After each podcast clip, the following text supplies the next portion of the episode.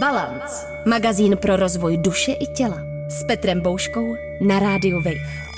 Balance.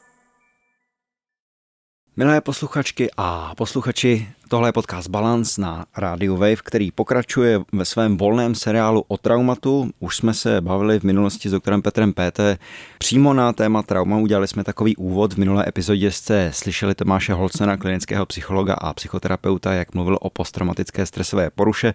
A dneska konečně budeme trauma tak trochu léčit. Mým hostem je opět Tomáš Holcner a tématem metoda EMDR. Tomáši, dobrý den. Hezký den co je to metoda EMDR a vyslovuje se to vůbec i v Česku EMDR. Já vím, že to je z angličtiny, tak, ale setkal jsem se i s tou českou výslovností EMDR. Víte, co sám to používám v obou případech, takže pokud mě posluchači uslyší, že jednou mluvím o EMDR a jednou o EMDR, tak je to to se omlouvám, ale je to stále to stejné. Je to vlastně zkrátka z anglického akronymu Eye Movement Desensitization and Reprocessing a my bychom to volně mohli přeložit jako desenzibilizace a přepracování pomocí očních pohybů. Je to terapie, která je relativně mladá v kontextu jiných terapeutických přístupů. Vznikla nebo byla, začala být rozvíjena doktorkou Francine Shapiro kolem roku 1987. Jakým způsobem pohyby očí nebo i další techniky, protože jestli jsem to správně pochopil, tak nejde jenom o pohyby očí, tak jakým způsobem tyhle techniky v EMDR ovlivňují proces zpracování traumatických zážitků? To, co já tak opakovaně zdůrazňuji, tak se velmi dobře ví, že tento typ terapie dobře funguje, zejména na posttraumatickou stresovou poruchu. O čem se stále vede určitá debata je, jaký je ten mechanismus toho působení. A za tu dobu se provedlo taky spousta výzkumů a vím, že těch hypotéz je několik. Jedna z nejčastějších je, že to souvisí se stavem, který se objevuje taky ve fázi spánku, v REM fázi, ve které vlastně také člověk pohybuje rychle očima, obvykle je to ta fáze, ve které sníme, nebo ze které si pamatujeme sny. Ta často slouží k tomu, že vlastně zpracováváme ty zážitky předchozích dní. Další potom hypotézou, která s tím souvisí, je, jak funguje pracovní paměť, protože ve chvíli, když my si vlastně znovu vybavíme nějakou traumatickou událost, tak se dostává do té pracovní paměti. A pokud dochází k stimulaci, bilaterální stimulaci například za pomocí očního pohybu nebo i jinak, tak dochází vlastně k přetížení té pracovní paměti a dochází ke změně eh, intenzity té prožívané vzpomínky.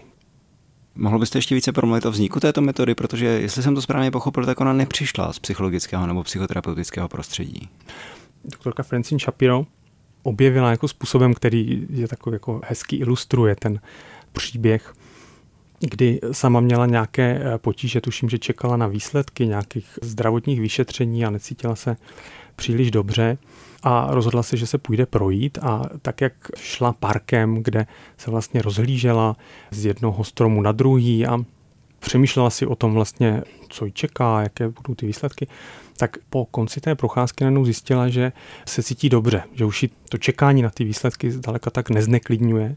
A protože to byla velmi inteligentní a hlubová žena, tak začala přemýšlet, jak je to možné. A na toto téma vlastně potom vypracovala, tuším, že jsou dizertační práci, kde podrobněji proskoumávala ten možný efekt toho, jakým způsobem může působit bilaterální stimulace na naše prožívání. Takže ta metoda je proskoumaná, byť tedy se přesně neznájí mechanismus účinku a její cesta do psychoterapie ale nebyla jednoduchá, protože jsem se setkal s tím, že byla vystavena velké kritice, která ale s postupem času, jestli jsem to správně odhadl, tak ustupuje. Máte pravdu. No samozřejmě tento přístup byl hodně odlišný od toho, co do té doby odborníci považovali za efektivní. Představa, že pohybovat očima může někomu pomoct, tak se zdálo v té době jako obtížně představitelné. Navíc byla zarážející intenzita i rychlost, s jakou tady ta terapie může přinášet výsledky právě u té posttraumatické stresové poruchy. Takže ta určitá taková nevole, co se týče té odborné veřejnosti, byla poměrně velká a delší dobu trvalo, než, než si našla svou cestu k tomu, aby byla nějak obecněji uznávána.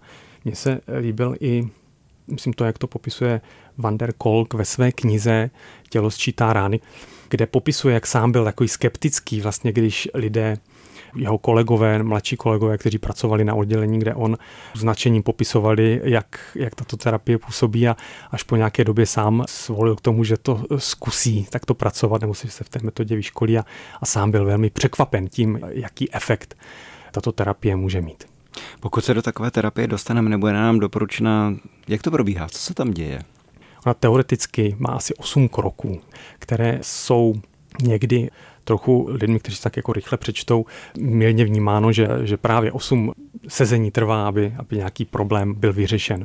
Je to trošku složitější, Nicméně to první sezení je velmi takové charakteristické tím, že si vlastně povídáme o tom, co člověka přivádí, jaké má potíže, jak se ty potíže projevují a také vlastně jaká je historie těch potíží, že to je velmi důležité, že v rámci IMDA terapie na co se klade důraz, tak vlastně na porozumění té souvislosti mezi potížemi, které vznikly a kde ty potíže pramení. Protože poté můžeme efektivně cílit eh, tu samotnou terapii. A mě by zajímalo čistě prakticky, pokud bych se třeba jako klient dostal k nějaké odbornici nebo odborníkovi, který bude pracovat tou metodou EMDR, tak tam tomu klientovi nebo klience prostě před očima hýbáte prstem nebo nějakým předmětem, nebo jsem dokonce slyšel, že to může dělat i stroj. Ano, je to tak. Ale to už je fáze toho samotného zpracovávání té traumatické události.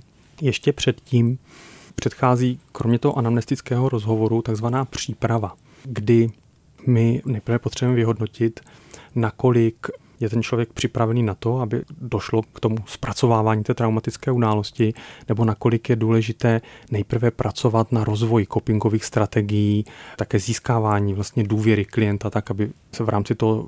Bezpečí stabilizace. Přesně tak.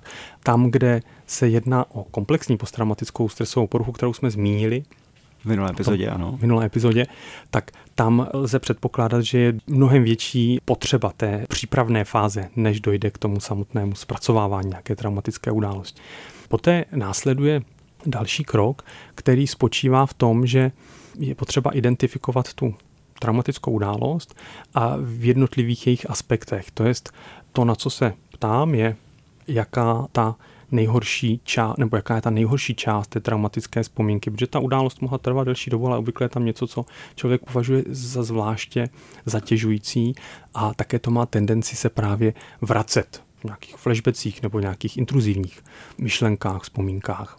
Další důležitá věc, která je taková charakteristická, je nejenom to, co je to nejvíce zatěžující, ale také to, jak eh, to člověk prožívá v té chvíli tady a teď na tom sezení. To jest, co prožívá emočně, jaké jsou jeho emoce, co se děje v těle, jak na to reaguje tělesně. A důležitým aspektem je také takzvaná v nazývaná negativní kognice, která vystihuje nějaké přesvědčení o sobě v kontextu té události.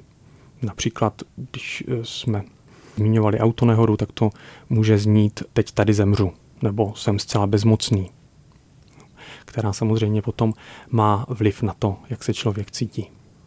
S vaším dovolením zůstanu ještě u té komplexní posttraumatické stresové poruchy, protože si říkám, jak člověk se na to může zaměřit, jak může vzpomínat, když třeba těch situací, těch náročných traumatických událostí bylo víc. Jak se na ně zaměřit, kterou vybrat, jak je se řadit za sebe. A další věc, jestli je to vůbec možné třeba pro lidi, kteří během, samozřejmě, což se děje, té traumatizující situace disociovali a vlastně si nemohou ani vzpomenout, co, co přesně se stalo, jenom si třeba vybaví nějaké nepříjemné pocity nebo nějaké temné, temné obrazy, které mohou mm-hmm. jít třeba až do nějakého symbolického světa, že vůbec vlastně netuší, co se jim stalo, zejména mm-hmm. pokud byli traumatizováni jako děti. Právě z tohoto důvodu se na to lze dívat, že EMDR terapie není nějaká rychlo léčba. Ta může být velmi efektivní u právě té jednorázové traumatické události, ale v případě komplexní traumatizace je podstatně důležitější taky ten čas, který s klientem nebo pacientem strávíme, to postupné navazování důvěry, také rozumění tomu příběhu, porozumění vzájemné, porozumění tomu příběhu, kdy i vlastně člověk, protože to, co je taky velmi charakteristické, tak lidé, kteří byli komplexně traumatizovaní, tak jsou nějakým způsobem taky odpojení od sebe, od svého prožívání. Oni nejprve potřebují najít cestu jak v tom bezpečném prostředí se začít cítit tak, aby se mohli dovolit se spojit s tím, co prožívají, to, co pro ně bylo náročné. A poté je možné mnohem lépe a přesněji cílit, jaká témata se budou zpracovávat. EMDR metoda první volby posttraumatické stresové poruchy nebo komplexní posttraumatické stresové poruchy? Tady bych to rozdělil. U té eh, posttraumatické stresové poruchy se doporučuje společně s na trauma zaměřenou kognitivně behaviorální terapii. To, co jsem viděl ve výzkumech, tak se ukazovalo, že ta efektivita byla podobná, ale IMDR terapie obvykle měla rychlejší efekt než kognitivně behaviorální terapie. U komplexní posttraumatické stresové poruchy tam osobně vnímám, že hraje velmi důležitou roli ten terapeutický vztah. A právě proto, že tak, jak jsme si řekli v minulé epizodě, tam je často také právě narušena vztahová vazba. A ta se velmi náročně léčí skrze nějakou techniku nebo, nebo nějaký jiný nástroj, ale že tam je vlastně velmi podstatná taky ta vztahová zkušenost v rámci terapeutické práce. Jsou lidé, pro které tato metoda vhodná není? A pod otázka, co když má někdo třeba vadu zraku? Tam, kde by byla dobrá taková jako zvýšená opatrnost, tak je u lidí, kteří v minulosti prodělali epileptický záchvat jsou někteří lidé, kteří by mohli být právě na ten rychlý pohyb v rámci eh, v tom zorném poli citlivější a mohl by to potenciálně vyvolat epileptický záchvat. Samozřejmě větší opatrnost je potom eh, samozřejmě u lidí, kteří jsou nějak aktuálně dekompenzovaní eh, nebo jsou tam nějaké závažnější psychické potíže, jako třeba nějaká psychotická dekompenzace a tak dále. Co ta vada zraku? Co se týče vady zraku, ta nemusí být potíží v tom smyslu, protože bilaterální stimulaci Ona je vlastně tak nejčastěji ty výzkumy ověřují efektivitu za pomocí té bilaterální stimulace očním pohybem, ale lze ji provádět také například poklepáváním. To je, že si třeba klient sám poklepává střídavě třeba dlaněmi do stehen, nebo také e, auditorní vlastně tím, že se pouští signály do jednoho a druhého ucha. Co když člověk je v rámci té posttraumatické stresové poruchy medikován, to znamená, že může mít třeba nějaká antidepresivá léky na úzkost, nebo dokonce i antiepileptika se používají. Mm-hmm. Může to podpořit nebo naopak překážet v procesu léčby pomocí EMDR? Co se týče antidepresiv, tak je pravda, že spousta klientů, které mám, tak užívají i medikaci a tam to jako kontraindikaci nevnímám, kde vlastně tak upozorňuju klienty je, aby pokud je to možné, tak, eh, nebo není to vhodné vlastně před tím sezením užívat anxiolitika, protože tam je vlastně potřeba, aby člověk byl v kontaktu se svými emocemi a s tím prožíváním. Pokud byl příliš utlumen, tak by ten efekt byl pravděpodobně menší. Tedy léky na úzkost, pardon, jenom, jenom doplním. Ano, mm-hmm. ano ale tam, tam zejména jako kdyby před sezením, anebo po té, co se nedoporučuje, tak právě alkohol nebo, psycho, nebo, nebo právě třeba i anxiolitika potom sezením, pokud to není nezbytné, protože tam se nastartuje proces, který trvá i po tom sezení a obvykle jeden, dva, tři dny individuálně jako doznívá, takže je dobré, když v vozovkách mozek si může pracovat nerušen, neutlumen nějakými jinými látkami. Pokud to samozřejmě eh, není v nějakém rozporu s tím, jak, jak je eh, medikace předepsána.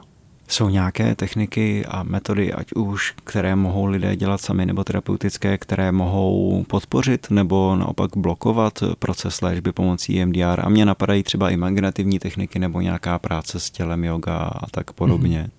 Určitě, a to, to je vlastně obecně jo, pro práci s traumatem velmi dobré, právě jak jste zmínil třeba yoga nebo mindfulness, jo, to je jako rozvoj všímavosti, schopnosti zůstat v přítomném okamžiku a nehodnotícím způsobem pozorovat přístupy, které jsou velmi užitečné jak pro práci s traumatem, tak, tak s jinými úzkostnými potížemi. Chápu to správně, že EMDR bychom mohli zařadit někam do těch metod, které více pracují s tělem, nebo jaký poměr tam má i ta povídací a vztahová složka? Mohli to takhle zjednodušit trochu? Mm-hmm za sebe těžko se mi to nějak eh, vyjadřuje procentuálně. Jo. Eh, já bych řekl, že to, co je bez zesporu velmi důležité, tak že v rámci IMDR se klade velký důraz na to, co se děje v těle v průběhu sezení. Že se podporuje vlastně ta schopnost orientace na tělo, aby člověk jednak byl vědom toho, co prožívá, ale také těch změn, které se dostavují v průběhu toho procesu. Já vím, že co se týče psychologie a psychoterapie, tak tam probíhala a do nějaké míry ještě probíhá debata o léčbě traumatu, která souvisí s uvolněním té nahromaděné energie a emocí. Hovoří se o takzvané abreakci. Jakým způsobem se uvolňuje ta nahromaděná tělesná emoční energie v EMDR? Mm-hmm. A předpokládám, že to je práce a zodpovědnost a profesionalita toho odborníka nebo odbornice, aby ten proces uměl regulovat a dávkovat, aby toho klienta nebo klientku nezahltil nebo v nejhorším případě neretraumatizoval. Mm-hmm. Právě na MDR terapie je úžasné to, že ve chvíli, když je už nějakým způsobem máme představu o tom, jaká, o jakou událost se jedná, zhruba o stabilitě klienta, jo, takže dokážeme tak odhadnout, jo, nebo lze odhadnout, jakým způsobem bude tak v rámci toho procesu reagovat, tak tam eh, si vlastně jako kdyby to v tak běží samo, že člověk, samozřejmě ještě se nedostali k té fázi, kdy dochází k té bilaterální stimulaci a samotné konfrontaci s tou traumatickou vzpomínkou, ale tam z velké části náš mozek dělá tu práci za nás. Jo? Takže naším takovým důležitým úkolem je pozorovat to, co se děje, bez toho, aby jsme to nezbytně museli hodnotit a v každým tím setem, který probíhá, to jsou takové třeba 30 až 40 sekund trvající sety bilaterální stimulace, po kterých je pauza, po kterých je pauza, klient je požádán, aby se zhluboka nadechl, vydechl a pověděl, co se objevuje. A to může být, každý reaguje trošku jinak. Někdo z těch lidí poví, že třeba cítí pocity v těle, že to napětí na hrudi zesílilo, uvolnilo, nebo že se pocity přesunuly do paží, nebo že se objevila nějaká emoce nebo část vzpomínky. Poté následuje další set té bilaterální stimulace. Velmi často se to poměrně rychle posouvá, takže když člověk na začátku třeba popisuje, že cítí, když si má vybavit tu vzpomínku, traumatickou a všechny ty doprovodné věmy, které jsou spojeny s tou vzpomínkou, tak často může prožívat jako, že je to velmi subjektivně nepříjemné. Tam se používá taky škála od 0 do 10, kdy 10 je to nejvíc nepříjemné a často to lidé takto hodnotí, jo, je to 9, 10. V průběhu té terapie dochází k tomu, že se snižuje intenzita té emoční a tělesné reakce až do, po tu míru, kdy v chvíli, kdy člověk vlastně popisuje, že ten emoční náboj se v podstatě ztratil. Jestli jsem to správně pochopil, a moje představa je taková, že člověk se postupně pomocí EMDR dostává hlouběji a hlouběji do kontaktu s tělem, s tím traumatickým zážitkem a postupně to teda odplývá, až ideálně by měl odejít z toho vašeho terapeutického zásahu vyléčen. To znamená, že nemá ty obtíže, nemá mm-hmm. příznaky posttraumatické stresové poruchy. Ano, ono někdy to samozřejmě může trvat jedno sezení, když se jedná o jednu izolovanou událost, někdy to může být i několik sezení, to je zase velmi individuální.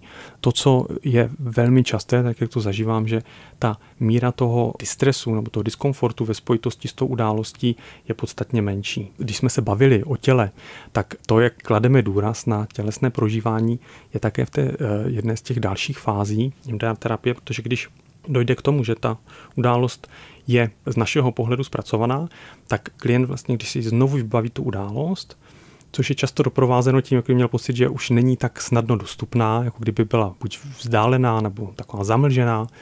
V každém případě nevyvolává ten distres až, až do té míry, že často lidé popisují, že si tu událost vybaví, ale jejich tělo a emoce zůstávají klidné. To, co je také zajímavé, je, že se mění často kognitivní pohled na to, jak lidé tu událost vnímají. Že do té doby, jak jsme se bavili o té negativní kognici, tam může být nějaké přesvědčení o sobě, třeba že jsem selhal nebo nejsem dost dobrý. Přitom v důsledku toho zpracování dochází k tomu, že jsou lidé schopní se podívat na tu událost z nějakého jiného pohledu. A naopak jsou schopni třeba vidět to, že přece jenom v té situaci udělali něco, co bylo dobře a za co si zaslouží ocenění, nebo když nic jiného, že ta událost už je za nimi, už je to minulost, už to nepatří k něčemu, co musí prožívat nebo čím se musí trápit v současné době. To, co taky ještě je takový, takové charakteristické, jako kdyby se ta vzpomínka stala jako objektivní. Že se někdy mění trošku úhel pohledu, jak, jak lidé sami sebe vnímají a někdy jako kdyby třeba tu scénu viděli z pohledu třetí osoby. Jo, že to, to je taky jeden, jedna z věcí, kterou často popisují. V procesu léčby traumatu se může stát, že se člověk setká se zesílením toho nepříjemného prožívání, tak může se to dít i v rámci léčby pomocí MDR, že třeba klient odchází a teď to naschvál přeženu v uvozovkách horším stavu, než přišel, nebo že ten proces nějakým způsobem pokračuje i mimo terapii, třeba ve spánku, v relaxaci mm-hmm. a tak podobně. Tady bych zase takovou potřebu jako trošku rozlišit tu komplexní posttraumatickou stresovou poruchu a to v vozovkách jednoduché trauma. u těch lidí, kteří zažili to jedno trauma, tak velmi často odchází v lepším, no podstatně lepším stavu, než v jakém přišli. To, co se může dít, že někdy, jak, jak jsem říkal, že to ještě tak doznívá ten zážitek. Můžou mít třeba přechodně pocity jako trochu jako zvětší jakého napětí nebo nervozity, nebo se ještě může něco odžívat, ale obvykle to během jednoho, dvou, maximálně tří dní odezní a naopak cítí mnohem větší úlevu, než tak, jak to cítili předtím, než tu terapii vyhledali. Teď se bavíme o tom, i když ten proces je nedokončený. To, co se může někdy stát u komplexního traumatu, je to, že se podaří zpracovat nějaké téma, ale v důsledku toho se otevře nějaká jiná traumatická vzpomínka. To se mi občas stane, že právě klient přijde na další sezení, tak, tak zmíní, jako, že to pro něho bylo hodně náročné po, té, po tom setkání, nebo v odstupem několika dní, to nemusí být ani bezprostředně.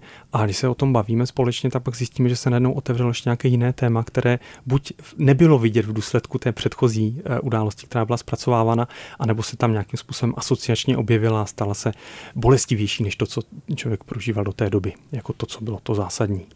My jsme tak eh, možná trošičku méně systematicky, eh, než jsem si přál, omlouvám se za to, prošli celou tu strukturu té EMDR léčby. Takže to znamená, že klient nebo klientka přijde, vytvoří se nějaké bezpečí vztah a vy pak postupně pracujete s tou metodou, odlíváte teda ten traumatický obsah, mohli to tak říci.